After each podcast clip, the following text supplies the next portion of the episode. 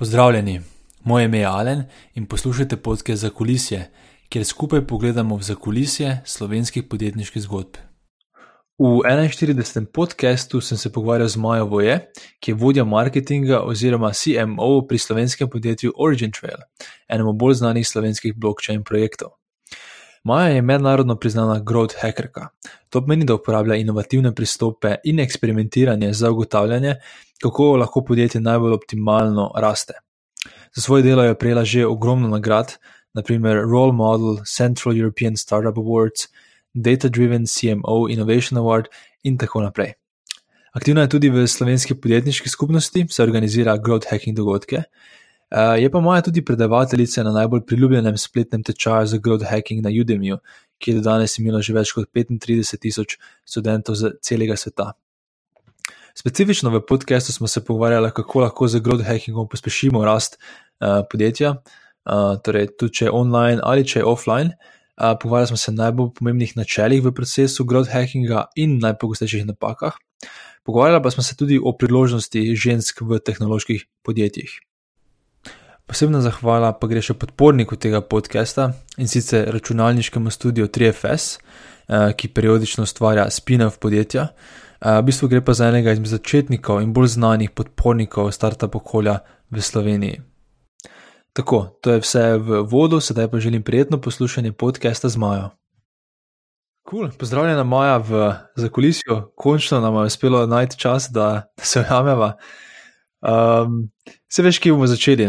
Torej, uh, kje se začne tvoja marketinška zgodba? Ne? Kdaj si se začela ukvarjati uh, z marketingom?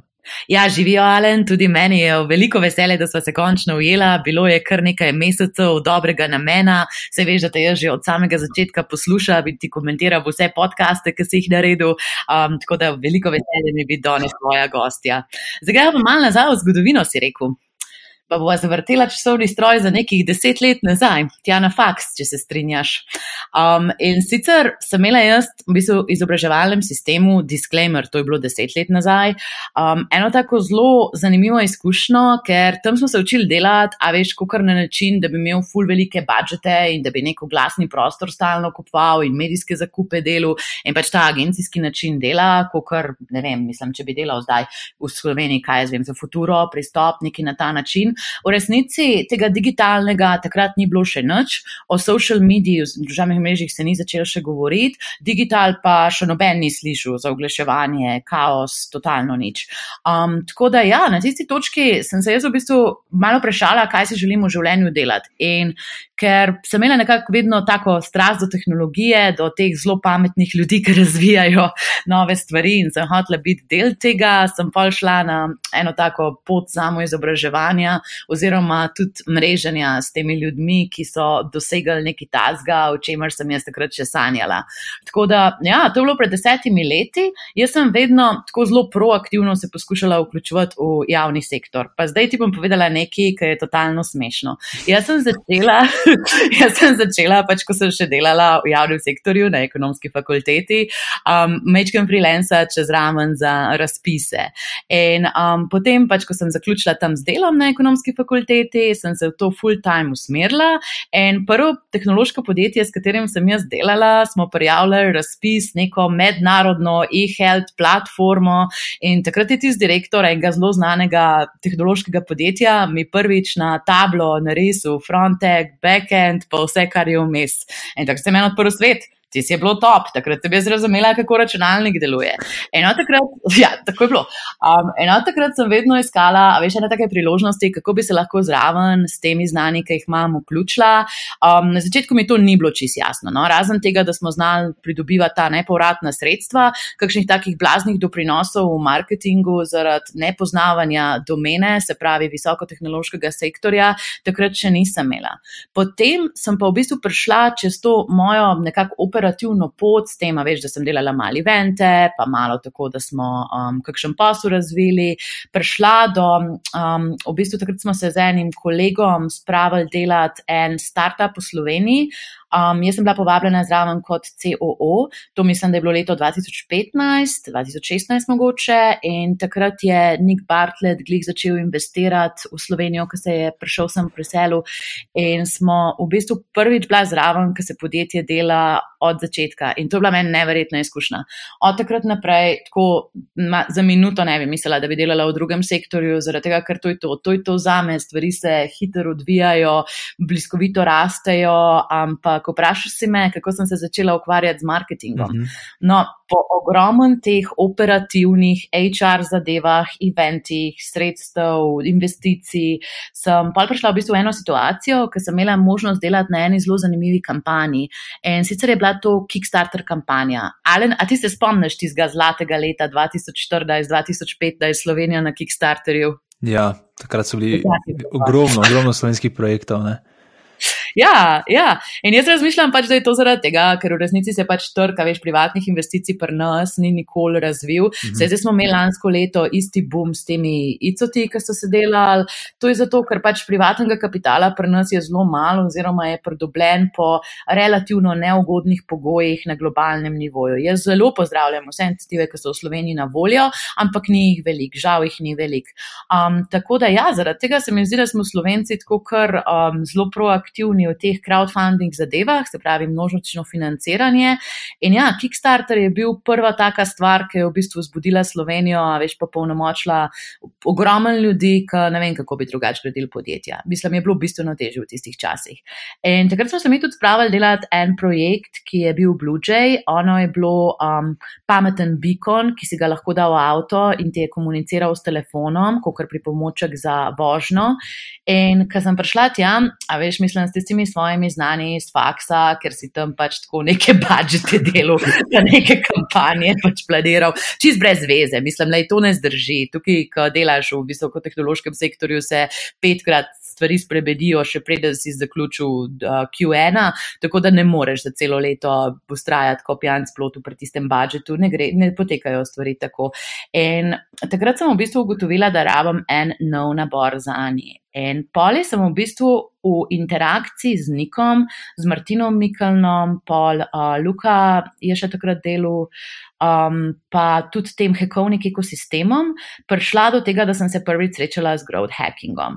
In tisto se je meni tako spet pač odprl svet. Zato, ker nikoli nisem verjela, da je marketing lahko neka izolirana funkcija, ampak sem ga vedno lahko tako samo interdisciplinarno, veš, obravnavala. Se pravi, da imaš ti več ljudi iz različnih področji, ki strmijo v istem celju in delajo v bistvu na zelo en takšen lin, na zelo takšen eksperimentalen način, da dosežejo potem te cilje. To je meni ideološko blizu. Jaz mislim, da se na ta način lahko doseže najboljše rezultate. In takrat sem se pol upisala na ta Udemy kurs, um, ki ga Izal izdaja. To je um, To so skupina iz Chicaga, imajo sta mož in žena, ki imata ta izobraževalni program čez, pa takšen duškan community pol. In takrat sem naredila pač ta njihov kurs prvi sama. In pol se je meni tako strgal čez vikend. Jaz nisem mogla nehati risati. Jaz sem risala kabadje, landing page, kako morajo biti strukturirane, kako so kanali, on traction book sem začela brati še enkrat, mislim, ti si bilo meni vse. In pol sem si naredila pač full hudo Kul hud plan za tisto kampanjo od Blue Jaya, ki je nisem pač sama izvajala, izvajala smo jo v skupini, ampak vsekakor, veš, smo imeli pa ta vodila, to miselnost, to interdisciplinarnost v DNA-ju te kampanje. In prvič je bilo tako, da smo postavili analitiko, ampak res bolano, pač vse se je vedel tam. Um, misel, mali je bilo takrat Kickstarter tudi že v pozni fazi, tako da smo videli ogromen skupin, ki so imele tudi dobre izdelke, ampak niso bili financirani. In nam je bilo kristalno jasno, da, kot je Nik vedno rekel, takes money to make money, da je treba nekaj vložiti noter. Ampak mi smo to naredili na zelo en takšen luškan način, da smo mi mogli na začetku pokazati, da se bo zadeva prodajala po nekih predvidljivih stroških. Naredili smo tesno kampanjo, v katerem smo mogli strošek akvizicije spraviti na neko tako raven, ki ne smem javno povedati, ampak pač, ko se stroškovnik lepo izide. Um, in preden nam je uspel to, mi ne bi dobili zelene luči sploh, da gremo sploh sploh na Kickstarter. In to mi je bilo ful mhm. všeč, ful je bila taka izobraževalna izkušnja v mojem življenju in pol val, da smo s temi learningi in s temi ciljnimi skupinami in s temi podatki, ki smo jih imeli, tudi resturali kampanjo. Ok, to se sliši fully zanimivo. Dejansko, preden ste se odločili, če vem, če prav razumem, ne, preden ste sploh se prijavili na Kickstarter oziroma objavili vaš projekt, ste v bistvu testirali um, na nek način viability, torej, če se splača, uh, oziroma če se bo splačalo ta projekt sploh izpeljati, s tem, da ste v bistvu računali, koliko bo stalo, da uh, dobite eno stranko. Kar pomeni, kaj v praksi, da ste ne postavili spletno stran, da vidite, koliko bo sploh trajalo, oziroma koliko bo stalo, da se pridobi uh, ja, enega plačnika, ali, ali kako drugače ste to izpeljali. Ja, tako. Mi smo imeli takrat, mislim, naredili smo enih štiri ali pet person. Za vsako od teh person smo naredili, um, smo naredili variacijo landing pagea in pa smo v bistvu računali strošek akvizicije, ki je prišel iz tistega landing pagea na Facebooku glase z enimi prilagojenimi sporočili, glede na tisto konkretno tačno persono. In smo mhm. pač prvo ugotovili, da najboljši med smo imeli s temi ljudmi, ki so uh, aka petrol heads, to se pravi nori na motorje in na mhm. avtomobile in na tiste gadgete vidite. Um, tako da, ja, to je bil pričakovan izdelek. Ampak ja, na tisti skupini smo ga potem um, spravili na eno tako raven, ki je bila vzdržna v budžetu, in na to skupino smo potem tudi kasneje malo več uh, sredstev, a veš, pomagali pri messengingu, ne? kako ti komuniciraš s tvojim tačnim audiencem. To so bili, siguren, full dobri nauki za nas. In ja, mislim, da bi to v resnici vsak mogel delati. Veš, mislim, da če postaviš tako kampanjo, kot je na Kickstarter, jo, veš, da te profesionalna produkcija vidja stane nekaj tisoč evrov, da pač moraš kompenzirati ljudi, kontraktorje, čeprav v Sloveniji se tudi drugačne stvari dogajajo, smo že slišali zgodbe, ampak ne, mi smo vedno šli na pošten način vse. Um, tako da ja, če nimaš te verifikacije, da se ti bo produkt sploh prodajal, razen v primeru, da imaš predobstoječo bazo kupcev, ki ti kupi pač karkoli ti lansiraš skoraj da. Um, če si pač povratnik mogoče v takih kampanjah, je, je to nojen korak, ne gre drugače.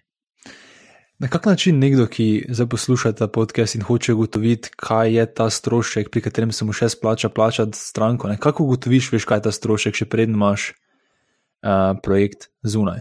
Rečemo, naprimer, da je čistak, ne vem, da, stane, da prodajam produkt, ki stane 50 evrov. Kako ugotovim, koliko lahko plačam za stranko? Ja, tukaj so pozabila na eno zelo pomembno plat zgodbe, ki so stroški. Uh mhm. -huh. Pri hardwareu je tako, da bi si moral načeloma pustiti ene 300-procentno maržo noter, zaradi tega, ker gre toliko stvari lahko na robe in ker je produkcijski strošek tako drag, veš, in če je zmet, pa kakšna koli ta stvar v proizvodni, si um, moraš kakšno tako stvar tudi kalkulirati v ceno. Čist mislim, če se pa pogovarjava o stroških na enoto, pa če vsaka stvar stane nekaj, da jo sproduciraš. Ne? To moraš imeti noter že v ceni narejeno in potem pa pač priporočilo, ki je splošno v industriji, je, da te more stranka stati trikrat manj, kot ti prenese. To je tisto idealen ratio, ki ga naj bi vsak zasledoval. Um, so pa tudi drugačne strategije. Mislim, da je Gregor od malih junakov v tvojem podkastu razlagal, da eno grejo zelo na minimalno maržo, da potem optimizirajo obseg, ampak mi smo v tistih pogojih hotel narediti zelo, veš, pesimističen break-even. Ja.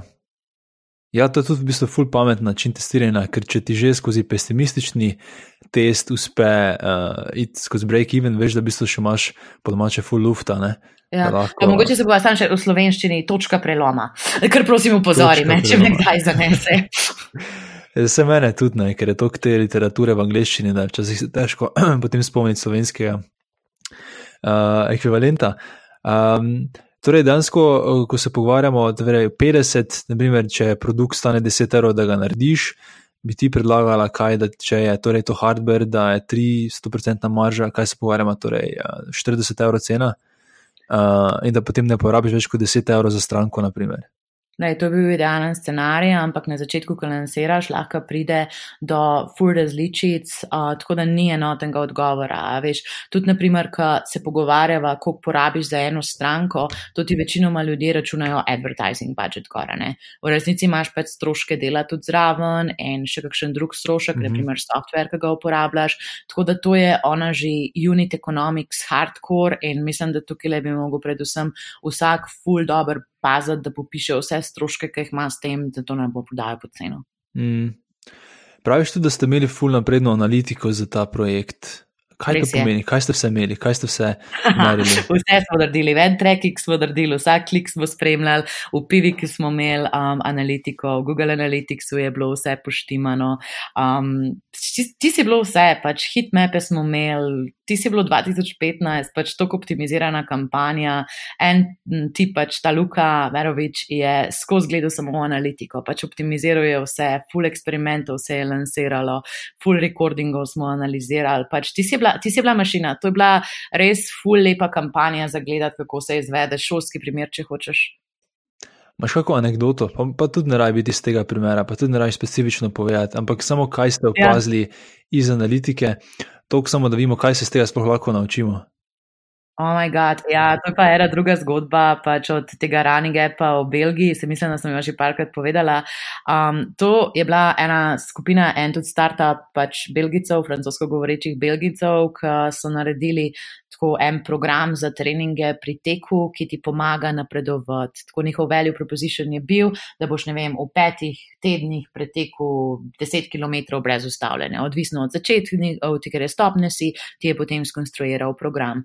In oni so imeli pa tam full napako v onboardingu. A veš, in na začetku smo se pogovarjali v tisti smeri, koliko stane, da se, ne vem, um, dobi eno stranko noter v app, če bi se splačal na Facebooku, oglašvati, um, koliko je pač to, ampak takrat mislim, da smo namerali 8 a 10 procenten um, ljudi, da sploh tisti onboarding v app, veš, to, je bil dolg. Mm to, ki je bil boleč. Tam je bila teža, višina, ne vem, deset korakov je bilo, preden so oni sploh prišli do točke, ki bi lahko šli teč in pač sprobali ta njihov pameten trening, da je. In ko smo onboarding porezali manj na 20% od tega, kar je bil, je valjda pač konverzija v produktu bila pol tok ful boljša. Ne? Če bi mi v bistvu zmetali ful več denarja in bi v isti produkt pošiljali bistveno več ljudi, bi una pass rate čez onboarding še vedno bil pač komaj da dvomestna številka. No? V takih zadevah se pogovarjava tukaj. Pol, ker smo pa to optimizirali, pa ker smo še mal um, te pricing plane uh, optimizirali, ker smo pa prišli tudi do druge ugotovitve v produktni analitiki, da povprečen uporabnik gre z aplikacijo teč enkrat. In če imaš pač enkrat, a veš, ta poizkusni. Poskusno interakcijo z izdelkom, free trial, um, to ne moreš več narediti nič ne moreš narediti v takih produktih. In pa smo iskali segmente, ki grejo čez ta proces boljš, ali pa tudi spremenili smo mal, eksperimentirali smo s plačilnimi metodami. Dajali smo pač popuste, če si kar takoj komitaš, da vzameš program. Um, tako da. Če bi mi šli po tisti tipični metodi, ne vem, app advertisinga, veš, ko poskušaš sam um, strošek instalacije minimalizirati, bi verjetno metal denar v neki, kar je ne mogoče, da bi sploh kar dobrega prišlo ven. Zato, ker ni bilo optimizirano za tisto uporabnikov, ki so ga imeli. Pa so mhm. imeli pa v bistvu še eno ful težavo, ker so komunicirali, da ona z ono aplikacijo se bo šla pripraviti na pol maratona, neki tasga. Pa, ko smo pogledali tiste podatke, smo pa ugotovili, da je ne vem, 80% začetnikov noter v Apple. Enonemu preteči pol maraton ne pomeni nič, unije preteči pet km brez ustavljanja v treh mesecih. Mm. Tako da take zadeve ti tudi fulna komunikacija, pa targeting vedno vplivajo. Še kaj me zanima? Rečemo, da, da že imam res dosti, da imam analitične, analitične orodja, ki mi omogočajo, da vidim ogromno, kar se dogaja z mojim produktom, ampak da še nimam toliko izkušenj s podatki da prvič mogoče sem v neki panogi in da prvič gledam neke številke. Kako sploh ugotovim, če je neka številka slaba ali pa dobra? Ne bi ti znala odgovoriti na to vprašanje, slaba ali pa dobra številka. kaj, če, če se ti, mislim, kaj točno misliš? Ja, kot si zdaj govorila, naprimer, ugotovili ste, da ful premalo ljudi pride skozi onboarding, 10% si rekla. Kako kak, ja. kak si sploh vedela, da je 10% malo?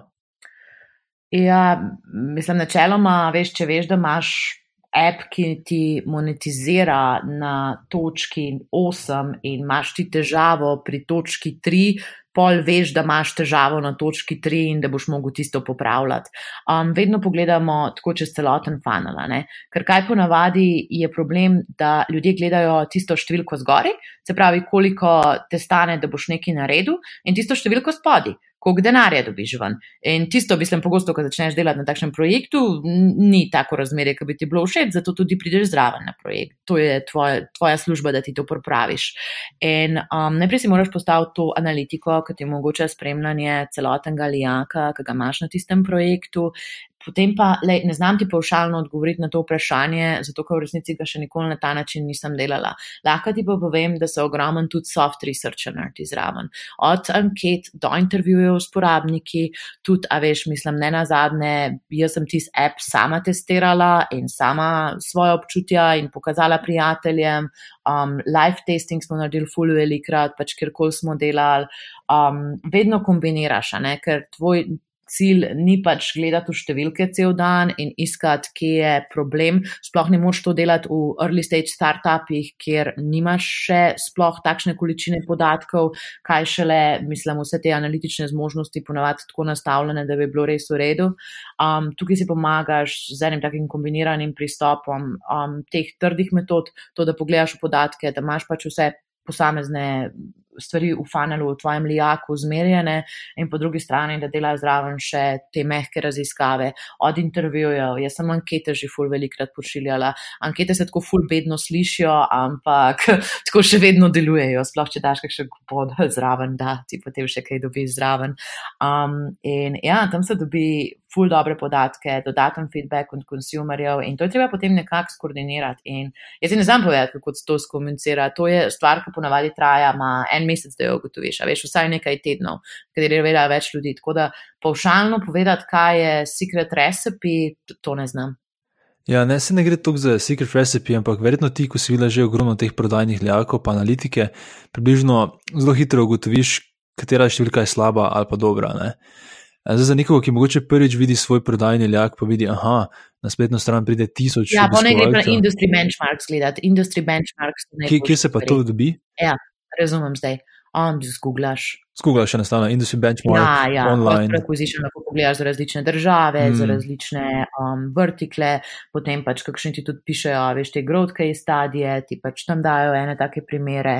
E-commerce ima itak svojo filozofijo glede tega, na ta način se vrednoti. Ampak se številka sama po sebi ni tako problematična, kot je to, če ti produkt dela zgubo, ki ga promoviraš. Ne, mislim, če mhm. nisi na break-evenu še točki preloma, če v bistvu s tem, da mečeš več denarja noter, ti ustvarjaš manjšo dodano vrednost. To se ful velikrat naredi na zgodni, stej, uh, zgodni fazi startupov in to je stvar, čez katero je treba zelo, zelo, zelo, zelo, zelo hitro priti, vsaj v enem oskem segmentu, ki ti bo nekaj delal. Hmm. Maja, da je še osnove v bistvu razčistiti, ker smo zdaj že kar skočila direkt v v. Kaj lahko mogoče malo montirava, potle. Ja. ne veš kaj, eh, za nekoga, ki mogoče še nikoli ni slišal za growth hacking, ali pa ki mu, ta, eh, ki mu ni jasna mogoče razlika med growth hackingom in marketingom. Kako bi ti razložila, kaj je razlika in kaj sploh growth hacking je? Ok. Lej, mislim, čist growth hacking si je izmislil leta 2012 ali nekaj tasga Sean Ellis, to je eden izmed slavnih um, ko se reče temu, tržnikov, ki je delal referral program za Dropbox, pa ima zdaj tudi growthhackers.com skupnost in on je definiral growth hacking kot proces hitrega eksperimentiranja čez različne trženske kanale in segmente v namen iskanja najboljše priložnosti za rast podjetja. Zdaj pa kaj to v resnici pomeni? To je ena metodologija, um, ki lahko tudi potem slikco dava, podnapise od podcasta, uh, mislim, v komentarje od podcasta, um, ampak v resnici kdorkoli je že delal, delu, karkoli vezano na lean development ali pa lean startup, mu je to znano. Se pravi, na začetku ti v bistvu si v fazi ideacije, kjer imaš več različnih idej, kako bi se dal kaj izboljšati, jih malo rangiraš, potem se odločiš, katero stvar boš prioritiziral, tiste prioritizirane ideje testiraš in na koncu analiziraš. In to poteka kot en krok, ki pomeni samo to, da se stalno izboljšuješ in nadgrajuješ. Zdaj, kaj je zelo pomembno in kaj smo se prej tudi pogovarjala, je, da um, moraš vedeti, kje točko funnela optimiziraš. Ker če boš šel delati, ne vem, optimizacijo referral programa za produkt, ki ti v aktivaciji 80% ljudi pade stran, ne boš dobil tistega maksimalnega efekta, kot bi ga lahko, če najprej poštimaš to, da ti stranka pride čez onboarding, da razume, kaj tvoj sploh produkt je in da razvija potem te navade, da ga uporablja. Tako da to je zelo pomembno. In ja, načeloma v praksi le jalen stvari potekajo takole. ti imaš tedenske, a pa 14-dnevne sestanke, tam malo pogledaš analitiko, malo po brainstormaš, potem rangiraš pač te ideje, ko si jih. Um, Ko si si jih zastavil, te stvari predstaviš v en svoj project board, naprimer Trello ali pa kakšno drugo stvar, če uporabljaš, jih strukturiraš kot eksperimente, se pravi, da jim nastaviš hipotezico, potem zavrtiš test, da se ti um, na začetku pač ga daš live v eno staging okolje, potem ga lansiraš, tisto ti teče, sedem dni, 14 dni, toliko časa, dokler ne pridobiš zadostne količine podatkov, kakšno količino podatkov rabiš, se tudi v online kalkulatorjih lahko zelo hitro ugotovi, ampak minimalno, no, če nimaš trafika, je tista absolutna minimalna meja, tisoč obiskov na strani ali pa sto konverzij, ker ko že pojmeš za konverzijo in pa na koncu analiziraš. In ta cikl ne bi se načeloma skozi vrtel. In zdaj ne da se tega procesa tako držimo maksimalno kot pijanc plota, ključne pri temu so meni tri stvari. Prvo je ta miselnost. A veš, da ne greš na vse ali nič, da, da si tista napišeš letni plan in pol pač, ne vem, delaš Valentinovo kampanjo, kampanjo za dan mučenikov, pač ne vem, kaj vse je na onih koledarjih tam, ampak da si bolj um, pogledaš trg, pogledaš številke, pogledaš, kaj ti tvoji konkurenti tudi delajo in da se znaš zelo hitro obrniti, ne da si pač za dve leti narediš plan, kaj boš delal, um, ampak da zelo hitro zavrtiš stvari in da se zelo hitro znaš obrniti in da lansiraš tudi kakšno stvar, ki ni čisto procentno spolirana, ampak še vedno ti je lahko trg full dobro prime in pol, ko jo boš pa lansiral, a ne, ki si jo ti že v bistvu potrdil v tej MVP fazi, ti pa lahko res rastor naredi super stvar. Um, ja, in to je v bistvu ta mindset, ki ga mi uporabljamo. A veš, nič ni gotovo, vse je treba testirati, ni dobrih in slabih idej, so samo stvari za testirati in trg bo na koncu povedal. In to je v bistvu en takšen tudi tudi zelo lep način, kako si zbijati ego in kakšne moči avtoritet v podjetjih. Pač le bomo zavrteli, bomo lansirali, bomo videli, kaj se bo naredil, pa se pole odločimo. Super stvar. Druga stvar je znanje oziroma nabor veščin in. Um, ko se reče temu, področji, ki jih moraš spremljati. In sicer v marketingu, kot marketingu, pa tukaj le dopuščam prostor za nič koliko izjem. Ljudje, ki delajo v online um, trgovinah, so ponavadi fantastični, ljudje, ki delajo v SaaS-u, uh, software kot storitvi, so ponavadi fantastični. Ampak splošen tržnik, ki sedi v nekem. Srednje do večjem podjetju um, je omejen predvsem na kanale, oziroma na kampanje, a ne se razmišlja tako. Zdaj, če si pa v manjšem podjetju, če si pa v bolj agilnem podjetju, a pa v bolj tehnološkem podjetju, ti pa ni v rak, ne bo šlo še to, da se boš mogel kaj naučiti o UX-u, potem pač mnogo mojih kolegov zna kodirati, jaz znam malo. Zelo malo, manj kot bi si želela. Ampak ja, bi znala kaj najti, pa kaj popraviti, če bi bilo tako. Um, potem je še tretja stvar, ki je ful pomembna, je pa ta psihologija um, ta, veš, intangible, intangible elementi. Analitiko so pa že tako že rekla prej, brez analitike se v ta cikl sploh ne more odvijati, zato je treba meriti, pa potem analizirati stvari. In um, jaz ti moram reči tudi, da sem bila eno leto nazaj na ekonomski fakulteti, sem predavala na podiplomskem uh, študiju trženje, pač glih growth hacking so me pač povabili, da predavljam. Um, in jaz sem jih vprašala, koliko vas je že uporabljal Google Analytics. Roko je dvignila ena oseba na podiplomskem študiju trženja. Mm. A veš, in tisto osebo sem jaz poznala, smo zelo dobri prijateljici, smo v stalnem navezu, ostalo pa je. Um, zelo nizka stopna te pismenosti oziroma zanimanja. In tle je pomembno, da si proaktiven, da se učiš, da se izobražuješ, da veš, kje stvari so um, pomembne.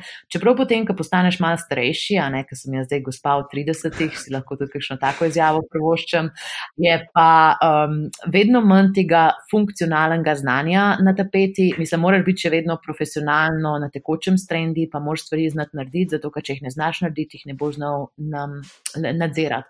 Ampak, če se jaz v bistvu zdaj ukvarjam, je tako s kakšnimi menedžerskimi vedami in ne vem, da se kaj zraven naučiš, še ne vem, v salesu, v business developmentu, magari pač kakšno tako filozofsko, psihološko stvar še. Um, druge stvari berem, kot sem jih brala pred dvemi ali pa tremi leti. No. Druge stvari me zanimajo, druge stvari tudi v bistvu zdaj najbolj koristijo moji karieri. To je bila točka dva, še vedno znanje. Um, to mi je zavedati, da sem malo razumela. Zdaj pa je točka tri še vpliv in povezovanje z drugimi oddelki. Ne? To pa pomeni, da nisi marketing tam en silos, ki se prepucavaš s prodajo, kdo je zaslužen za kakšne stvari, ali pa pač, ki tam nekje bo developerju, da lagaš delo, kaj je treba, da spletni strani spremeniti in potem on tam um, heca, da to traja tri tedne. Ne, pač tukaj le se moraš opolnomočiti in narediti po možnosti interdisciplinarno ekipo. Če pa to ni mogoče, pa se moraš pač malo samo izobraževati na več različnih področjih, zato da lahko vidiš stvari celostno in da veš, kaj, kaj je tvoj produkt, kaj dela, kaj je potrebno in da znaš stvar celovito videti. Ker če boš skozi razmišljal, sam pač ne vem, kako bomo kaj objavili na Facebook, ali kje oglase bomo zavrteli, lej, boš čudovit taknični specialist za neki in boš lahko super plačan, če prenašaš veliko denarja v podjetje, pač tvoja prihodnost ni slaba, ampak če si želiš delati kot nekdo, ki je na funkciji odgovorni za rast podjetja, moraš tudi gledati zelo široko. Tako da to so nekako te tri stvari, ki sem jih jaz v growtu najdla, v marketingu pa prej ne. Um, ne maram pa stvari predalčkati. Um, vem, da pač je čisto odvisno, s čim se identificiraš. Meni je pač pod pojmom growth hacking prišlo in v Amsterdamu in pač na tem ljudem kursu, ko sem ga delala, ki ga zdaj tudi učim. Um, jaz sem pod tem growth hacking pojmom dobila tisto, kar sem rabila. Če pa kdo to dobi pod marketingom, pa je to še vedno čisto v redu, bi slabeli vse, kako se rečejo stvari. Pomembno mi je, veš, kako pač, so rezultati, pa tako, kako stvari ljudem delujejo, da se lahko soočajo s temi izzivi, ki jih imajo na delovnem mestu. Mm. Res je omenjala Google Analytics. Um, me zanima, kaj so osnovna orodja growth hackerja. Pa prej si tudi omenjala, da si dosti risala. Da ne vem, kaj me zanima. Torej, zraven lista, A4 lista in Google Analytics, kaj še uporablja Maja na tem ravni? Ne, tako don't get me started, to je tako slabo. Ne, le, lahko dava kakšen link spodaj o orodjih, pa teh stvarih, ampak um, orodje načeloma ne maram komentirati, zato ker je full odvisno od domen, v katerih delaš. A veš, ker sem jaz delala z API, sem uporabljala čist druga orodja, kot jih danes uporabljam, ko v bistvu delamo B2B, pa community management, pa te stvari. Tako da orodja se mi ne zdijo ključna in orodja se da vedno, vedno, vedno naučiti, so hudo prilagodljiva vsebini.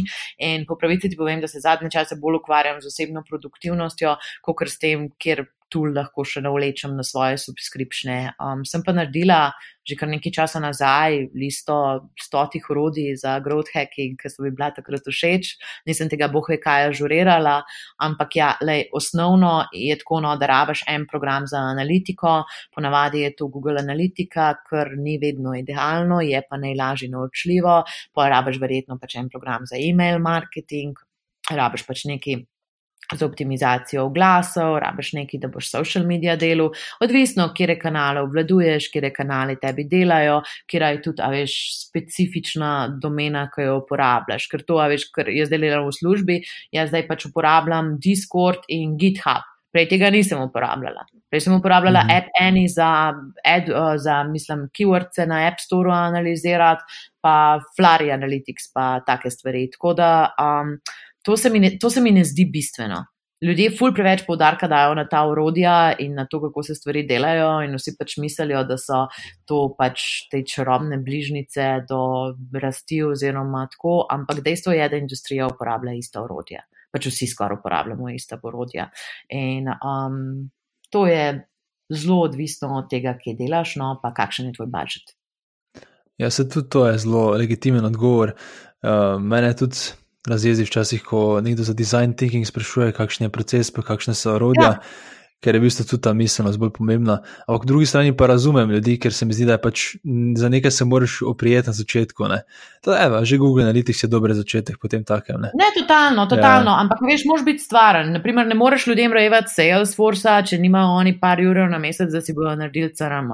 Na začetku pač naredi to nekem Excelu, tako da bo tebi v redu, mm. ali pa pač na kakšen trial vržu, in potem pač, ko vidiš, da imaš nekaj, kar ti pije vodo, si lahko prvoščeš več. Ampak ne moreš pa pač voziti Mercedesa po makadamski cesti.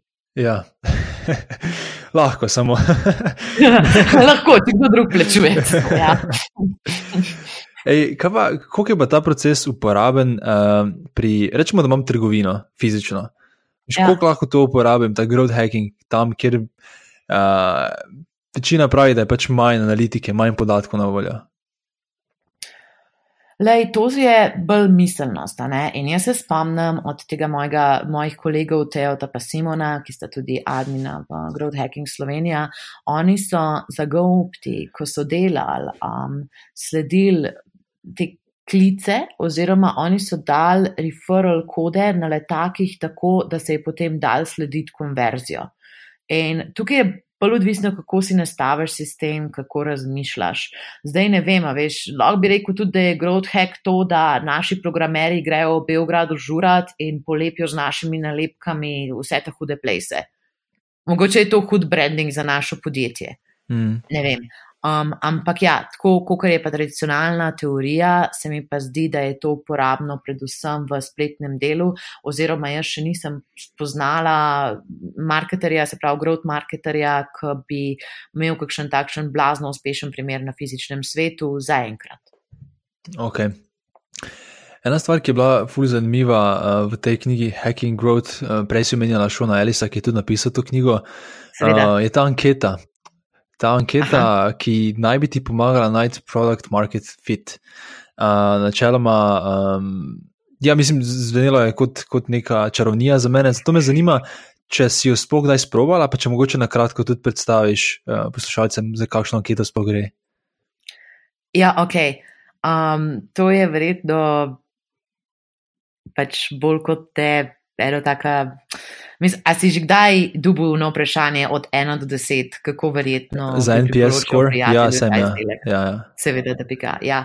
In meni se zdi, da je šel ne le izhodil izumiti nekaj novega, zato si je spomnil eno drugo vprašanje, je, s katerim pač naj bi um, preverjal product market fit. Vprašanje se glasi, kako. Kako bi se počutil, če bi izdelek X nehal obstajati, in pol imaš tukaj le štiri opcije, zelo razočaran, malo razočaran, ne razočaran, ali pa pač tako, ne, mislim, sploh, sploh me ne briga. Um, in v primeru, tukaj le on definira, da 40% ljudi bi ti odgovorilo, da bi bili zelo razočarani, potem imaš dober produkt market fit. Um, to je v teoriji to, kaj on pravi ampak tako v praksi se pa zdi meni več predvsem pomembno zmeriti res, kakšen je tvoj ROI na izdelek, oziroma a ti stranke, pač, ki jih imaš, za to plačujejo in ali je biznis profitabilen in to se mogoče ful banalno sliši. Ampak na koncu dneva, mislim, jaz ne morem živeti od tega, da so ljudje zelo razočarani, če jaz ne bi delala več tega, kar trenutno delam. A razumeš? Ja. Razumem, ampak razmišljam za nekoga, ki je. Je tej... pa signal, je pa definitivno signal, Itek. da imaš neko povezano z občinstvom. Ne samo razmišljam, da nekdo, ki je v tej fazi, produkt market fita, verjetno še nima dovolj uh, izoblikovanega produkta, pa niti verjetno cene, da bi lahko točno zračunal ROI. A kako bi se ti tega lotila, da ima reči tako? Lej, meni se zdi produkt market fit pač točka. Lej, jaz ne vem, kako jo ti definiraš. Jaz se v to literaturo nisem tako ful spuščala, zaradi tega, ker mi je bila vedno, a veš, tako glavno vprašanje, ali s tem budžetom lahko naredim več, da lahko pač preživimo vse te ljudi, ki so gor na projektu in ostavimo nek plus iz mm. tega. Nisem se ukvarjala s tem, kaj teoretično pomeni produkt market fit, ampak ja, načeloma pač to zame pomeni, da biznis štima da pač tisti trg, na katerega ciljaš, um, tvoj produkt hoče in kupuje.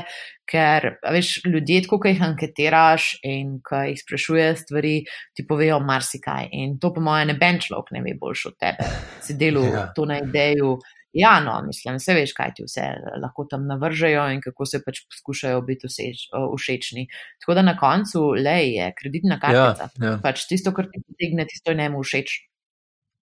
Ja, to sem te prej pozabil vprašati. To, ko si omenjala, da ste imeli pri uh, tistem začetnem projektu pet različnih prezon in pet različnih spletnih strani z verjetno petimi različnimi value propositionami, a ste takrat, kljub temu, da produkta še ni bilo, tudi imeli ta fake door test, torej kjer so ljudje morali vpisati kreditno kartico, ali ste na kakšen drugačen način eh, validirali tisto idejo? Ja, nismo imeli še takrat za kreditno kartico upisan, merili smo pritiske na gumb Buy Now, pa je bila pa v bistvu naslednji korak, ko po UX-u narejen, o, oh, sorry, zdaj le trenutno produkta ni za zalogi, daj pošli mail, pa ti bomo mi povedali, ko bo produkt na zalogi. Tako da to cool, je bil nekakšen ja. razplov. Ja, zelo dober način, ker uh, dosti ljudi se potem sprašuje, ja, ampak uh, to bo se češko zgledalo, ali pa se sploh nima payment procesorja in potem tako naprej, in potem pa če narediš tega, ne. Ne, to je to en je. način, drugače pa ja. jaz sem se to vse oprosti, oprosti, kaj te mal prekinjam, ampak sam to nočem, da mi uide iz glave. Um, Sandro Mur od Bela Bita, pa kdo je še to, naprimer, delal v Sloveniji, je delal to še vizionek na prednaročila, ampak sa, Sandro Mur je takrat, pač, ko smo mi se pogovarjali, to bilo leta 2015, 2014, on je to razturil, on je razprodal produkte, ki še niso obstajali. In na tisti točki sem se jaz, veš, s tistimi njegovimi kohones oziroma dobrimi tržnimi travkami, pač ti je bil hasler, ti je bil totalen hasler, pač onega je sam zanimal, kaj bo delal denar. In um, tisti fazi so bili s temi taktikami zelo uspešni. Oni so razprodali produkte, ki niso obstajali. Mm. Na koncu, koncu ima to dosti krat smisel, ker uh, če se najprej lotiš razvijati produkt, če gledamo z vidika uh, eksperimentiranja, v bistvu eksperimentiraš, če produkt lahko narediš. Ne? Če pa probaš prodati produkt, pa, pa vidiš, če dejansko bo kdo kupil.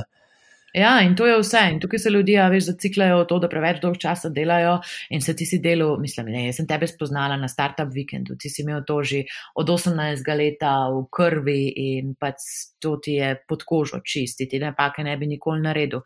Ampak veliko ljudi se pa res pač zaljubi v tisti produkt oziroma mm. tisti proces in si, mislim, še polka jim pokažeš, da ne bo šlo, ne pusti povedati, da pač to ne bo v redu. In je pa čisto normalno, lej, da pač pri teh startupih to je 80% mortality rate, če ne 90, 90 bolj pošteno. Um, in vse, kar pride na trg, pač ni dobro. In če stranke tega nočijo, ja, pol pač si boš mislil nekaj drugega ali pa nagovoril en drug. Ciljni segment, ki ga bo mogoče hotel. Tako da, mm. mislim, to so menti, a veš, težke resnice produkta, ki si jih pa moraš pogledati v oči, zato ker drugače boš bankrotiral podjetje. Ja, ja. To se mi zdi tudi všeč, kar si govorila o tem, da um, včasih niti ni produkt ni dober, ampak mislim, da včasih produkt ni slab, ampak je samo persona, ki jo targetiraš napačna. To, da ste testirali s petimi, šestimi različnimi, je bilo res ja. ful pametna ideja. Kaj do sledi niti ne razmišlja, pa če da se produkt ven, se ne razmišlja, za koga je to, pa če treba potem za to osebo prilagoditi vele proposition in podobno. Tako da, um, ful pametno. In to me tudi spomni potem na naslednje vprašanje, Sicer me zanima, kaj so najpogostejše napake, ki jih vidiš pri ljudeh, ki se probajo lotiti growth hackinga. Uf, kaj so najpogostejše napake? Veš kaj, meni se zdi, da sploh tisti, no, ki smo šli čez kakšno izobraževanje v tujini, da pa prideš full na hyper nazaj. Um, in takrat bi pač kratko v neki delu in bil vse tako malo na pol delu, in večinoma si pač zaljubljen tam v nekih kanalov, neki, kar ti pač takrat prodajajo, da je najboljša nova stvar.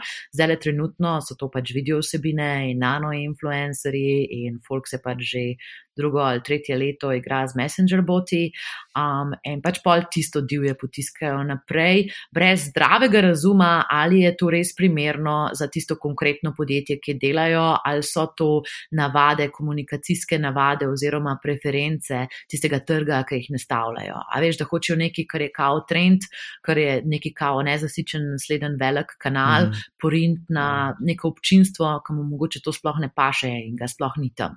Um, tako da to se mi zdi, da je prva taka stvar, ki se lahko full hitro zapleteš. Um, kar se tiče pa drugih stvari, pa se mi zdi, da je full velikrat ego oziroma ena taka, veš, kukar, da bi se bil, da bi se te bilo strah, da bi se zmotil. A ne, ker ti si zdaj kao tako full expert in full take stvari. Dejstvo je, da bo, ne vem, 80% stvari, ki jih vsak dela na takšen način, kot se zdaj pogovarjava, da bo neuspešnih. In ja, treba je na veliko proslavljati in komunicirati te zmage, ki jih imaš, treba se pa zelo hitro iz neuspehov um, mm. učiti in evalvirati. In full velikrat se ljudje zelo zlomijo pred tem, sploh v Sloveniji, pred tem neuspehom oziroma da ena stvar ne bo delovala, ne, jih ful prevelikrat potre oziroma kar polarizira, da pol mogoče prehitro odnehajo. In to se mi zdi še ena taka stvar, ki si jo moraš pa kot posameznik popraviti v glavi, ker drugače ne gre. Kako se pa ti s tem ubadaš? Um, jaz pač nočem, mislim, hočem narediti napake, ki ne stanejo veliko. A me razumeš? Ja, Ja. hočem se učiti, hočem rasti, um, nočem pa delati napak, ki bi ogrozile kakšno strateško, ful pomembno stvar, zato ker to je pa tisto tvoja profesionalna obveznost. Se pravi, ti ne smeš podjetju škodovati, ne vem, ne smeš pač narediti stvari, ki bi bile na nek način mogoče nelegalne, moteče do obstoječih strank, nepravične do obstoječih strank. Um, to so stvari, s katerimi se ne rada sploh idejno um, poigravam in jih ne delam. Um, pa ja, mislim, po drugo je pa, ko se pogovarjaš s temi kolegi, mislim, mi se temu kar malo smejimo, mojim kiksom, mislim, takim kiksom. Enega kolega sem imela zdaj le, ko je delal promocijo za en kriptokazino in on je hotel narediti influencer kampanjo s porno zvezdicami, ker je ugotovil, da je dober presek pornografije in kripta. In se je pač dopisoval s porno influencerkami. In ne, pač tisto ni bilo glih idealna konverzija, ma tip je imel zelo zanimivo zgodbo za povedati. Ja. Um, in ja, veš, na ta način um, probaš veliko stvari, potem, potem ti pa nekaj uspe. Ok, ok. E, mislim, da smo zdaj ful dobro razdelali, kaj growth hacking je in kaj ni, kako se ga lotiti. Prej si že začela malo govoriti o komunitiju in o bistvu, kak, ja, od svoje aktivnosti v, v komunitiju. Teda dama se še malo o tem pogovoriti, ker se mi zdi tu zanimiv del tvoje kariere. Um, Ti si torej začetnica te um, slovenske skupnosti Growth Hackinga. Um, čeprav razumem, si organizirala prvi slovenski meetup, pa tudi Facebook skupino uh, si ti uh, ustanovila, danes ima 1700 članov. Um, da se malo o tem pogovoriti, odkot ta želja po grajenju komunitija. Uh, ja. Um, veš kaj, mene v Sloveniji malo motil, da ni interdisciplinarnega sodelovanja. Ker sem jaz prišla iz Amsterdama nazaj, mislim, da je bilo leto 2016, ja, 2016 je bilo. Um, je bil tam takšen fuluškan komunity. Veš, so imeli community pomen skupnost, če kdo slučajno ne ve, se upravičujem, ker sem jo verjetno že desetkrat porabila. Um, no, in te skupnosti tam so bile tako, da je na mita prišlo 100-200 ljudi, da so bile tam fantastične osebine, ker Amsterdam, veš, je neko tako živahno mesto, tam imajo multinacionalke, pa svoje podružnice, folku gre dober, tako z uredu stvarmi se ukvarja, te tehnološki sektori tak cveti in tista energija, tista strast do tega, tega, da se povezuješ, da se dela digitalen svet tako celovito, da nisi sam tam v nekih, kaj zvem, kanalnih skupnostih ujet, temu reče, bi jaz pač to, kar se fragmentiraš po teh oddelčnih funkcijah v podjetjih, ampak da spoznaš ljudi iz najrazličnejših področji, kar je v Sloveniji tudi tvoj spet problem, zato ker nimamo kampusa. Ne? In to interdisciplinarno povezovanje, če nisi glih največja že zvezda študentskih žurov, imaš mal tega, no? nimaš velik tega. In to mi je bilo všeč. In tudi, ko sem gledala tako na Facebooku, a veš, skupina za marketing se mi zdi, da sploh ni obstajala. Dobro, bil je nek internetni marketing marketing, verjetno je še, ampak tisto se mi zdi, da je spet ena taka nepotrebna fragmentacija. In kaj me v resnici zanima, je bilo povezati najrazličnejše profile in jim dati neko tako vrednost, neko tako platformo, ker si bojo lahko drug drugmu pomagali. In to full dela. Mi imamo ogromen preseg z slovenskimi programerji oziroma slovenskimi developerji, se kličejo, in z UX Slovenija imamo ogromen preseg, sej verjeten sam vidiš, ne, kjer so mm. poznani obrazi v obeh skupinah. Potem so eni ljudje, ki v pač teh, mi rečemo, večjih sorodnih skupinah, ki so starejši od nas, tudi sploh niso aktivni. In um, tisto je bilo meni, a veš, tako predvsem ena taka potreba potem, da se naredi platforma, ker se bojo ljudje odprto pogovarjali. In čez to platformo sem spoznala čudovite ljudi. Jaz lansko leto nisem bila zelo aktivna, ker potem, ko smo upravili to prvo izdajo žetonov, um, sem bila zelo zmatrana in so mi tudi ljudje zelo težili preko socialnih omrežij. Tako da sem šla za par mesecev dol iz družabnih omrežij, či za svojo dobrobit, da nimaš živijo. Imaš pet minut za kavo. Se veš, ti mesiči. Ja, moja konzultingura je uredna eno uro tvoje kave.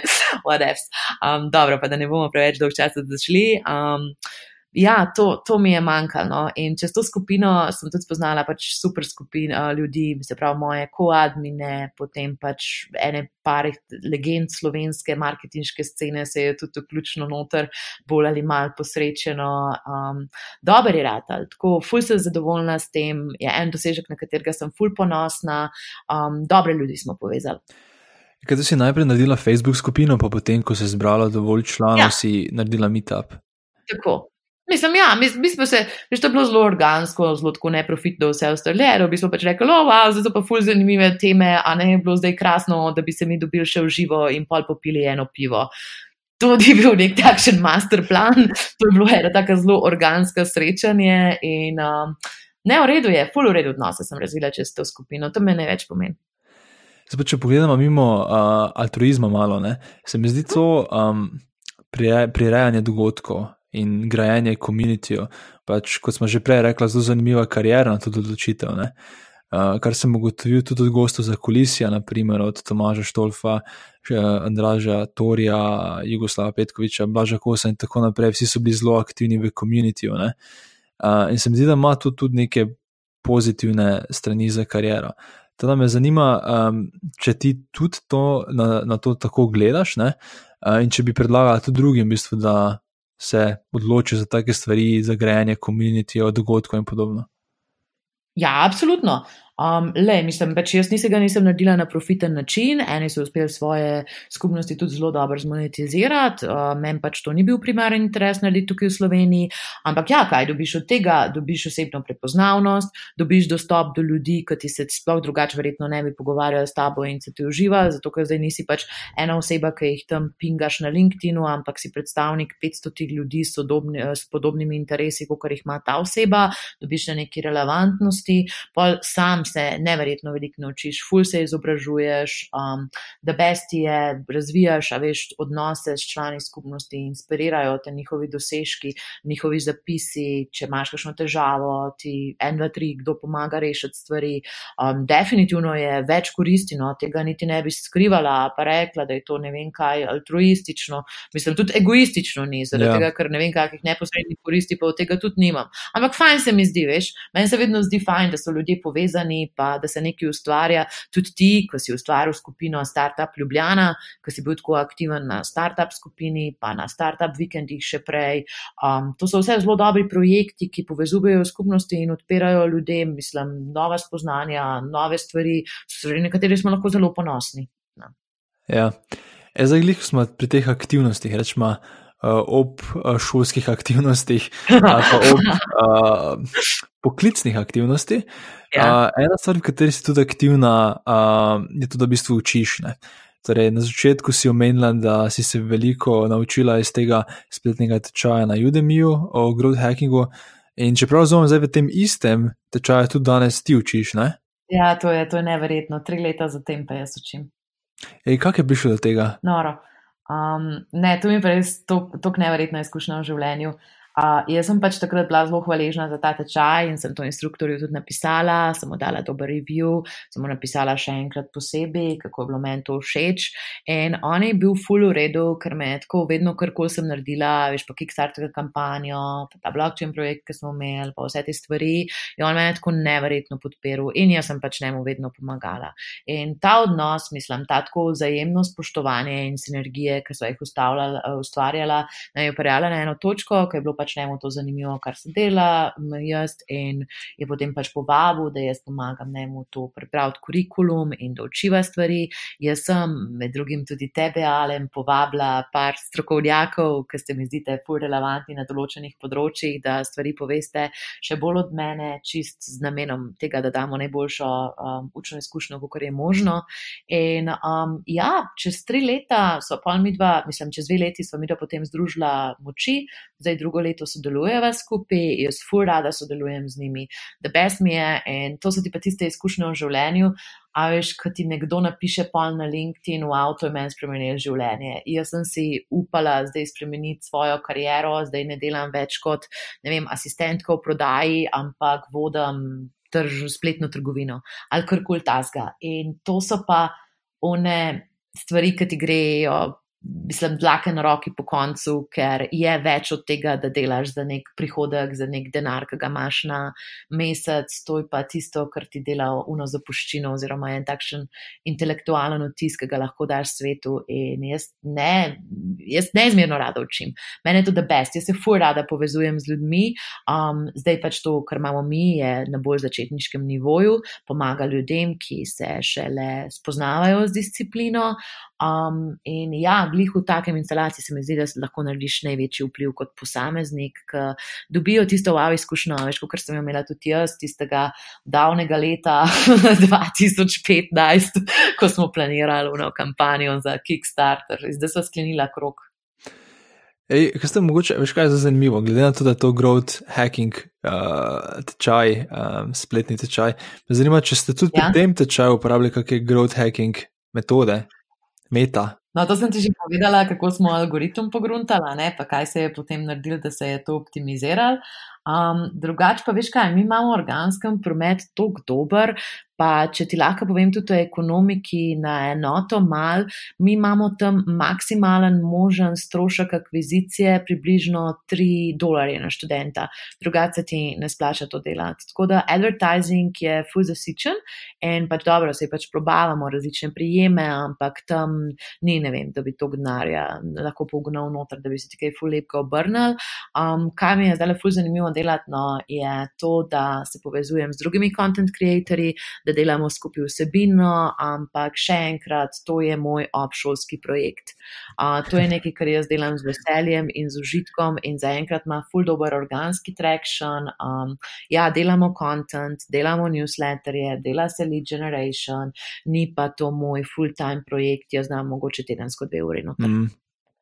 Prej smo govorili o tej nagradi, ki si jo danes prejela, ampak lani si prejela ja. še eno zanimivo nagrado. Če že najdem točno, ker je kar dolgo ime. Female Role Model Central European Startup Awards. Čestitke tudi za to. Kaj točno to pomeni? Hvala lepa. ne vem, tudi jaz sem predvsej časa reflektirala, da bi si to razložila. Ampak, veš kaj, meni je več pomenilo, kje oseba je mene nominirala za to nagrado. S tisto osebo sem jaz par let nazaj delala gor na Hekovniku um, in takrat je ona delala na customer supportu na eni firmi, zdaj pa je ona soustanoviteljica ene firme in vmes je imela tudi eno čudovito karjerno pot, ker je pomagala mnogim startupom. Sej, Ves, da če poslušaš, vemo, o kom govorim.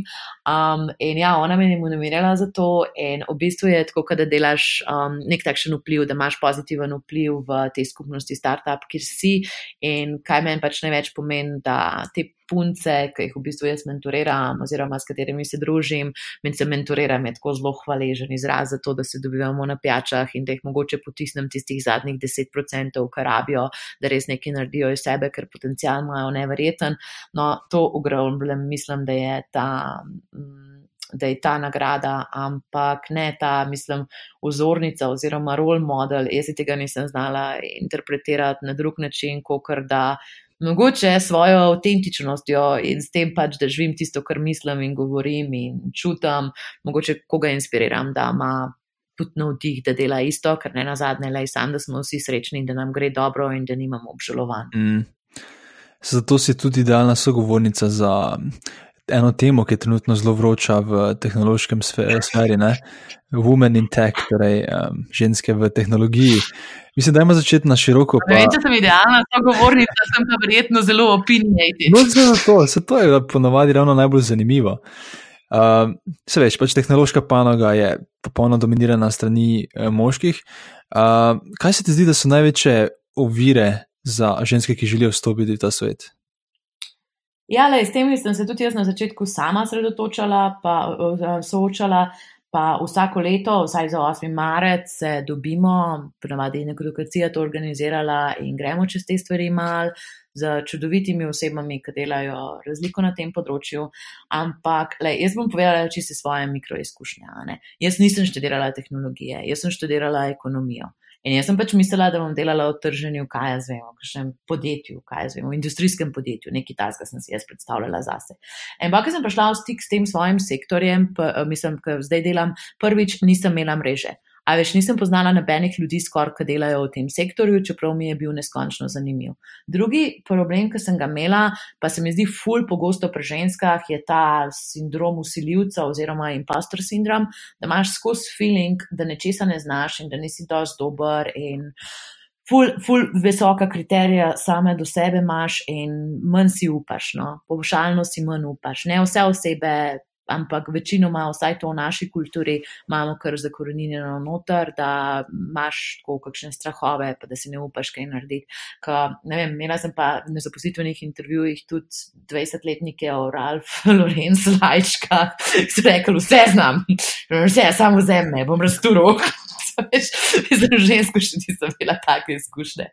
Um, no, druga stvar ja, je ta psihološki um, pritisk. Tretja stvar, ki se mi pa zdi zelo ključna, je pa demografska in sicer to, da itak je upis na tehnološke fakse tako majhen, da je potem naraven priliv ljudi, ki so usposobljeni za primarno delo v tehnološkem sektorju, zelo majhen. In tukaj pa treba delati ogromen na marketingu poklica, pa ne samo na developerkah, ampak tudi na, a veš, tem, da lahko tudi nekdo, ki mogoče tega ne zna, pride zraven da vidite priložnosti noter, ker sektor sam po sebi, vsaj meni, iz mojih izkušenj, je čudovit. Jaz nisem imela ene težave, mislim, tako z vsemi se fule povedno sem se razumela, tako ljudje, mislim, vsaj te ustanovitelji podjetij, s katerimi se je zdelala, so bili korektni, so imeli pač tudi ful dobre partnerke ponavadi, ki so spodbujale vse te pobude. Um, če je bilo, naprimer, kakšno opolnomočenje treba delati, a pa kakšno tako odpiranje informativne dneve, da povabiš kakšne punce v podjetje, da malo vidijo, kako delovni proces teče. In ja, mislim, mogoče sem malo zašla tako zdaj v misli, Ampak po mojem je primaren problem to, da se pri 18 letih, ajš, ko zbiraš poklic, ko bereš ti svoj kozmopolitan in višiš na, kaj je zdaj popularno mrežje, muzikli, po moje, ja, glih ne zavedaš, da ne vem, pač to obstaja kot ena taka karjerna možnost zate. In pa pa v bistvu še tako ful um, ta pop kultura, ne, kdo je kul. Cool. Um, mislim, ženske iz tehnološkega sektorja v resnici dobimo zelo malo žarometa. A veš, tako, tudi, ko vidiš te mikroinfluencerke, pa tako naprej, to so vse neke take bolj družboslovne in zabavno, narodno zabavne ti življenja. Um, tako da niti ljudi ne konsiderirajo tega kot um, karjerno izbiro za njih. Kaj pa meni tako, da brez delati, pa je nekomu, ki pride iz faksa, ga spravi do tega, da razume, kje so njegove močne stvari in v katerih sektorjih bo lahko to uporabil v svojo prid. Ker vsak človek ima ene talente, ima ena znanja, ima ene izkušnje v življenju, ki ga delajo tako edinstveno kul cool in pač potem poskušamo skupaj definirati in razčistiti, kaj je tista najboljša pot. In podavati ljudje ne rabijo velik drugega, kot sam pač pogum, a pa reč, lej, probi. Najslabše, kar se ti lahko naredi, je, da ti bo nekdo rekel ne. A s tem lahko živiš? Ja. Um, tako da ne, na tem, razen tega, kakšnih takih ful, sreč tega vplivnih stvari, brez tega, da bi se politično angažirala preveč, še nisem naumila. Vem pa, da kdorkoli je prišel do mene, s komorkoli smo se pogovarjali, je bil čez par let hvaležen oziroma hvaležna, da smo imeli te pogovore, ki nikoli niso prijetni, ampak res so tist, na tisto noto narejeni, a veš, da je tistih zadnjih 10%, ki človeka ostarajo, da bi naredil tisto, kar hoče narediti. In to mm. lahko je znam, evo, to lahko je znam.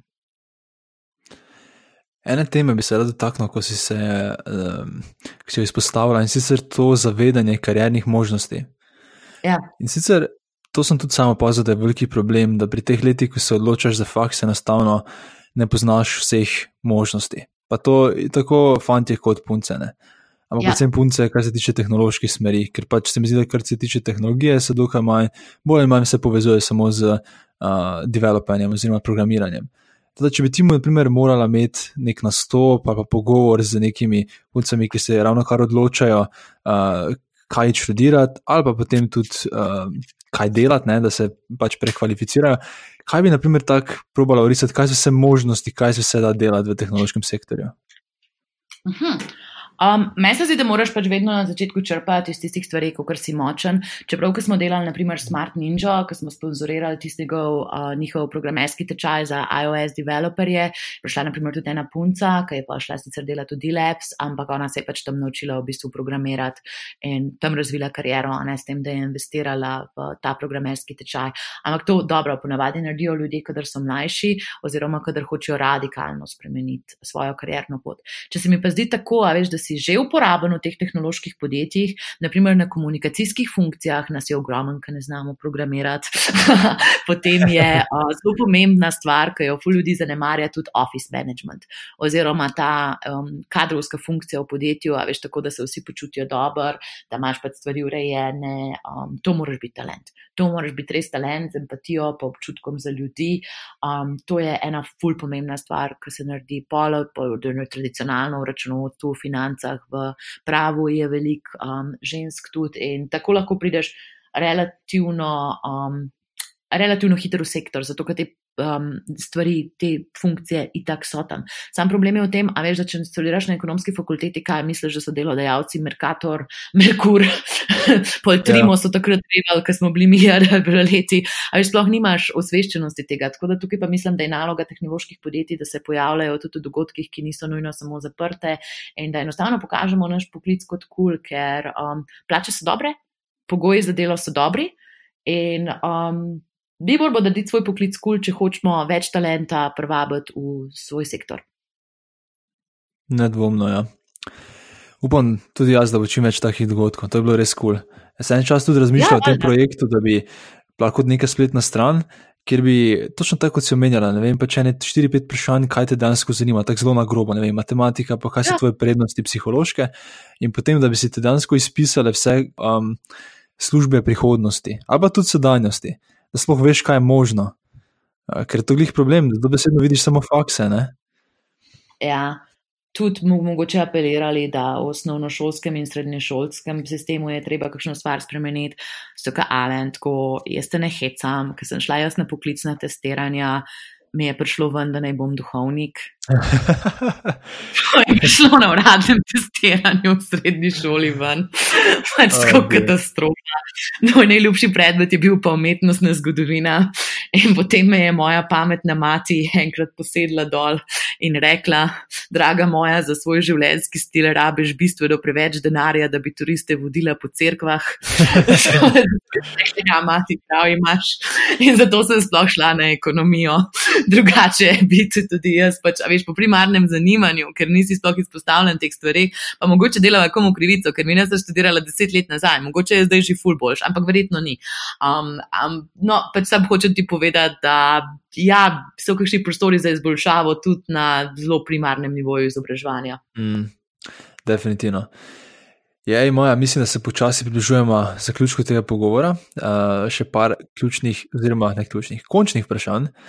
In sicer um, slišal sem, da imaš zelo specifičen jutranji ritual. Nam lahko o tem kaj več poveš? Ja, včasih je bil še bolj specifičen, ker sem ostajala ob štirih. Zdaj ostajam ob šestih, ker ponavadi potegnem malo bolj po noč, da se lahko še s kakšnim američanom kaj izmenim. Ampak zadeva poteka takole.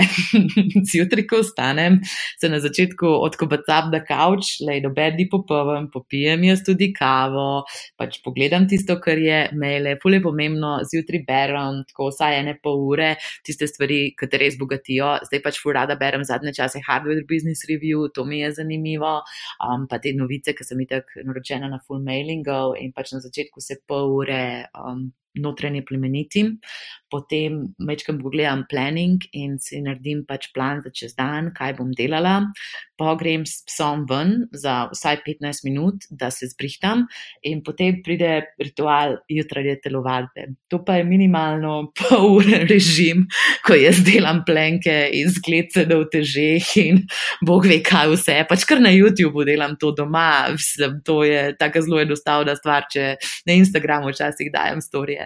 Ampak ja, jutranje telovadba meni ful pomaga, da v redu začnem dan, pa da imam več tisto dobro energijo, da nisi ob desetih še čez zeliman, mm. ampak da povezuješ ljudi, da jih znaš motivirati, da se v redu lotevaš um, teh nalog, ki pridejo pred tabo. To, to mi ful pomaga. No. Ker pa pridem v službo, je prva stvar itak pač, da pozdraviš sodelavce, ampak ogromen delam na načrtovanju in prioritizaciji nalog, ker to je pa ena stvar, ki sem se naučila od mojega prijatelja Matica Užmaha, ki je ustanovitelj Support Hirota. On je rekel, da je imel včasih to-do list, ki je imel ne vem, 26-30 postavk, tako zelo dolg to-do list je imel, zdaj pa ga je reduciral na 3 do 4 najpomembnejše stvari, ki jih mora narediti na dan. In jaz pač tudi vsak teden si napišem ene cilje, ki jih moram doseči ta teden in jih pač tudi spremljam.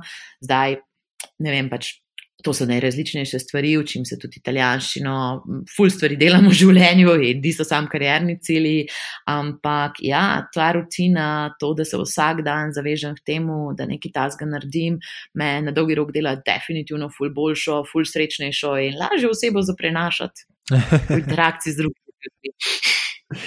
Ja, um. Ej, pa potem uh, to dnevno, uh, dnevne tri, štiri stvari, ki jih moraš doseči, a kako potem to kombiniraš um, z dolgoročnimi cilji, oziroma z dolgoročnimi vem, projekti, pa dolgoročnimi tudi? Ja. Lej, jaz na daljši horizont, kot kar na eno leto, ne načrtujem, zaradi tega, ker imam eno življenjsko vodilo, da v sektorju, ki delam, kot sem se jaz naučila v mojem življenju, najboljših stvari še ne veš. Um, najboljše stvari še pridejo in jih danes ne moreš napovedati, in moraš samo stati pač tako stalno buden, stalno v stiku s tem, kaj je novega, kaj se razboljivega dogaja naokrog, in potem pač vidiš, začutiš, ko pride prava priložnost zate. Tako da ja, imam letne cilje, letne cilje dosegam približno 70%, kar mi je zaenkrat še kul, cool. z možem imamo to, mi dva fule posodelujeva, tudi skupaj delava. In um, ja, na daljši horizont od enega leta ne planiram, imam pač tako mesečno približno, kaj si želim narediti, ne pa kjer so moji benchmarki, vsak teden se usedem za pol urce, napišem tako nekih 16-20 stvari, ki jih hočem narediti. Dnevni cilji so pa ponavadi tako, da si raži prioritizira, a veš, za tiste, če narediš, če ubiješ tiste štiri teske, imaš dober dan. Ne? Ja. Te štiri teski so lahko pač tudi, ne vem, zrihti si nov čistilni servis, kadar to rata pereča težava v življenju, ali pa organiziraj dogodek, na katerem bo 200 ljudi. To se lahko zelo spreminja. Ja. Ampak tisto, kaj definira, da boš imel dober dan, da boš ponosen, da si vesel, ki si danes živel. Ok. Škaj sem te hteš, že prej te vprašati, uh, kako to, da si se odločila priti iz Nizozemske nazaj v Slovenijo uh, z možem? Uh, ker pač večina, ki ostane, ki nikoli niso bili v tujini, si pač želi v nasprotno smer. Ne? Ja, um, jaz sem imela več možnosti na svojem življenju, da grem v tujino. Um, ja, iz Belgije sem prišla nazaj, iz Nizozemske sem prišla nazaj in povedala ti bom, tako kaj je. Meni je kakovost življenja v Sloveniji blazno všeč, v smislu, imam kolege, lahko potujem, lahko grem čez vikende v Italijo, zdaj se spravljamo v umak. Pač tako mislim, da imamo naravno in socialno okolje zelo živahno in pestro. In jaz imam psa in imam moža in imam mamo in očeta, ki jih imam zelo rada in brata. In jaz se nekako nisem full optimalno počutila v tujini. Mogoče sem tudi prestara šla tja, ker če bi šla mogoče direktno po faksu, bi me bolj potegnila, pa bi se lažje prilagodila. Ampak, lej, tako, tako je. Jaz imam tukaj dobro plačo, če v tujini plačujem, ne vem, Jurija 500 najemnine, zato da živim v sodobni soseski, v sodobnem pletu, meni verjetno ne bi ostalo bistveno več, kot mi ostaja kle. Tako da moj optimum, ki ga imam za enkrat, je še vedno kle, delam pa itak vedno mednarodno. Jaz se nikoli nisem omejevala na slovensko okolje, imam pač mrežo po celem svetu, veliko delam z američani. Zadnje čase sem delovno bolj vezana na Srbijo, ker mi grem tudi blazno rada, pač daš produktni tim pozdraviti. Um, tako da ne, nikoli, ni bilo, nikoli mi ni bilo žal zaradi tega, pač v redu mi tukaj, dobro se počutim, kul cool so mi ljudje. Probala sem, ker sem si želela probati, nisem si pa želela ostati. Ja. Tako rečemo, da vedno več se tudi pogovarjam z temi, ki smo tukaj iz Slovenije, da tudi razmišljajo o tem, da bi šli nazaj. Teda se mi zdi zanimivo, uh, ta trend tudi v obratno smer se dogaja. Ne? Veš kaj, mislim, da takrat, ko smo mi prišli iz faksa, saj mi da so približno isto stara, je bila una gospodarska kriza in je bilo res bedno za mlade ljudi dobiti službo. No? Mm. Se nismo imeli tako gospodarske krize, kot je bila v Ameriki, ampak da je tudi pač iz moje generacije ogromen zelo sposobnih ljudi šlo v tujino. Velikih je tudi ostalo, kar večinoma jih je tudi ostalo. Zdaj pa se mi zdi, da so se tu razmere bistveno izboljšale, tudi mi smo se karjerno že bistveno bolj uveljavili in tudi, ja, veš, če bi zdaj, naprimer, iz tukaj hotel razvijati posel s tujino, bi se to dal. Pri 18 letih se pa to, je pa to težje. Je pa to težje. Ja, ja definitivno. Ja. Je kul, cool, Maja. Mislim, da smo zelo fajn razdelali um, vse teme, vse te teme, ki so bile. Bilo mi je v največje veselje. Ja, ja. Jaz sem tam še nekaj linkov. zelo vesela sem, da smo se končno ujela v tem podkastu, ki ga tudi jaz zelo rada poslušam. Upam, da je bilo tvojemu občinstvu to všeč. Če si želiš še kaj vprašati, so komentarji na voljo. Definitivno pač vabljeni, da se nam tudi pridružite v vseh naših spletnih skupnostih. Pa sledite še naprej Alenu, ne? upište se na DMBA, boš ti povedal tvoj pič. Ja, hvala še. Ne, kaj so naslednji koraki? Prosim. Kaj so naslednji koraki? Glede česa? Uh, kako lahko tvoje občinstvo še bolj podpre tebe? F, najbolj s tem, da delijo naprej. Če jim je všeč, da delijo naprej. Um, a pa da pustijo kakšno oceno ali pa komentar na iTunesih, ker s tem tudi potem lažje pripričam nove goste, kar mi je pa v bistvu glavna motivacija. Da, ja taki, kot sem jaz, pač taki kronični poslušalci Alena, je pa lepo tudi, da mu prek PayPala mogoče kaj nakažete za nove upreme, pa te stvari. Uh, to je vedno dobrodošlo, pač vsi vemo, da je to projekt, ki ga dela iz dobrega srca in prostovoljno. Tako da, če je kakšna taka možnost, da ga podprete, je to tudi zelo dobrodošlo. Maja, kot prvo, hvala tebi, ker si me že parkrat podprla. Najlepša hvala pa tudi hvala za to, uh, za to da zdaj sam ne rabim delati avtra. Da smo na odlično uh, noto končali. Zelo zadnje vprašanje, ki imam ja. za tebe, samo kje te poslušalci lahko najdejo na spletu? Ja, povsod. Ja, na Twitterju, pa na LinkedIn sem tako najbolj aktivna. Um, ful je zanimivo, mislim, to je taka stvar, ki mi je tudi bila včasih, ko sem imela AMO prav na platformi od Šona Elisa za growthhackers.com. No, tam sem predvsej v kriptu pa v blockchainu razlagala, če koga to bolj zanima, ker se danes nisva dotaknila te teme. Um, drugač pa ja, jaz sem povsod, um, zelo rada uporabljam socialna omrežja, tako da evo, kar pogumno. Reče tak neki uh, eh, AMA oziroma AMA oziroma poslovensko, hm. kako kak bi se to prevedlo? Vprašaj me karkoli. Me karkoli. Mislim, da je bilo fajn tudi Slovenijo organizirati. Jaz ga osebno še nisem videl na naših skupnostih. Facebook, Jaz sem, mislim, mi imamo v ponedeljek to dan butastih vprašanj. A ja, to, to sem videl, ja. ampak veš, da je bilo prav za specifično osebo. A to pa ne, to pa še nisem videla, ne? To je bilo zanimivo. Ideja. Ja, bi bilo, ja, definitivno. Dobro, ej, nič, moja, hvala še enkrat uh, za čas, uh, pa srečno pot na umak. Največje veselje mi je bilo to, fulj sem vesela, da sem lahko del tvojega podcasta, kar tako naprej še mi te radi poslušamo, super delaš. Hvala, hvala.